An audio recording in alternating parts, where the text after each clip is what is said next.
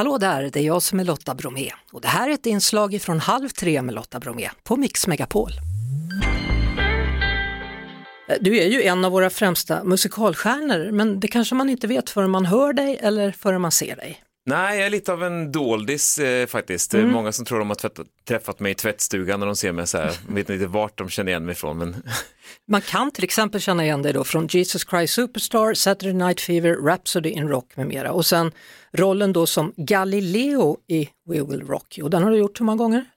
I London spelade jag We Will Rock You kanske ja, huvudrollen 800 gånger och sen så gjorde jag ytterligare 500 gånger i andra roller. Så att det blev över tusen shower. Herregud. Ja, det, ja. Vad drömmer man om då? Man drömde om att få komma hem på semester till Sverige. Nej, vars, det var, det var, då var en, ett annat skede i livet. Man, man var inne i musikalen, det var rockshow och eh, jag jobbade med Queen. Det var en dröm som, man levde som en dröm. Ja, du blev alltså castad av självaste Brian May från Stämmer. Queen. Han, han satt på min första audition och lyssnade när jag sjöng. Hur, hur gick det till? Eh, ja, Hur nervös var du? Ja, om man såg hans hår innan jag skulle gå in i lokalen såg jag, där sitter Brian May, för jag såg ett stort burrigt svart hår och då tänkte jag, antingen nu så har jag två val, antingen så blir jag jättenervös eller också går jag in och bara sjunger skiten av honom. Och då tänkte jag, jag tog det andra valet. Ja. Har, har du alltid gillat Queen eller var det någonting du bara övertalade dig själv om att det här vill jag göra tusen gånger? Nej då, det, det har kommit under åren. Från början så var det mer Beatles och Elton John och den stilen. Men eh, jag upptäckte Queen efter Freddie hade dött på den här tributegalan 92 på Wembley som de gjorde. Då massa med kända band, Guns N' Roses, Metallica var där och sjöng Queen-låtar och hyllade Fred. Då fattade jag deras storhet.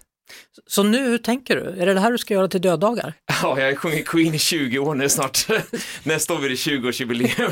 Ja, men har, har du träffat honom igen förresten då, efter den här Brian, audition? ja, ja. då. Ja, De kom in och spelade ganska ofta med oss på teatern när det var så här jubileumsshower och då, då dök de upp och lirade. Han kom in och lirade ett gitarrsolon och folk blev galna och ibland kom Roger Taylor upp genom golvet med sitt trumset och körde så.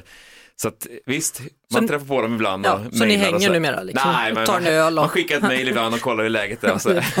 Du, idag har du något att avslöja då för alla rockmusikalälskare. Yes, jag ska ut på en arenaturné med mitt koncept Champions of Rock.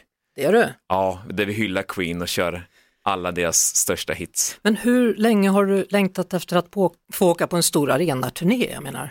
Ja, det trodde jag faktiskt inte. Och Backa bandet ett och ett halvt år nu så då trodde jag att man skulle få lägga ner. Men eh, ehm, ja, just nu känns det ju väldigt skönt att allting är igång igen. N- när är det turnéstart? Vi kör igång i februari, början av februari 20, 2023 blir det. Wow. Du ser.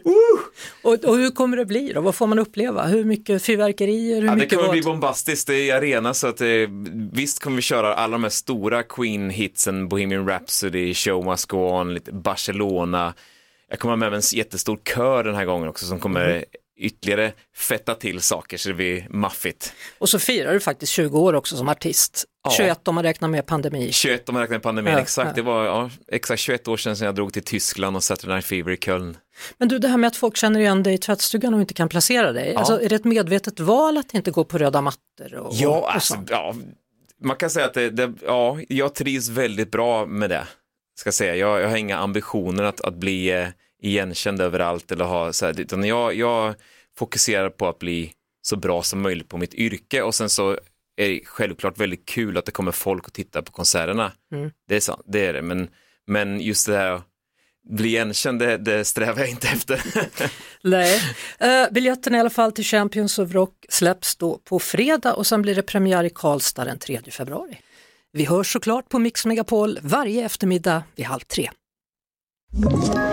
Ett poddtips från Podplay. I podden Något Kaiko garanterar östgötarna Brutti och jag, Davva, dig en stor dos skratt.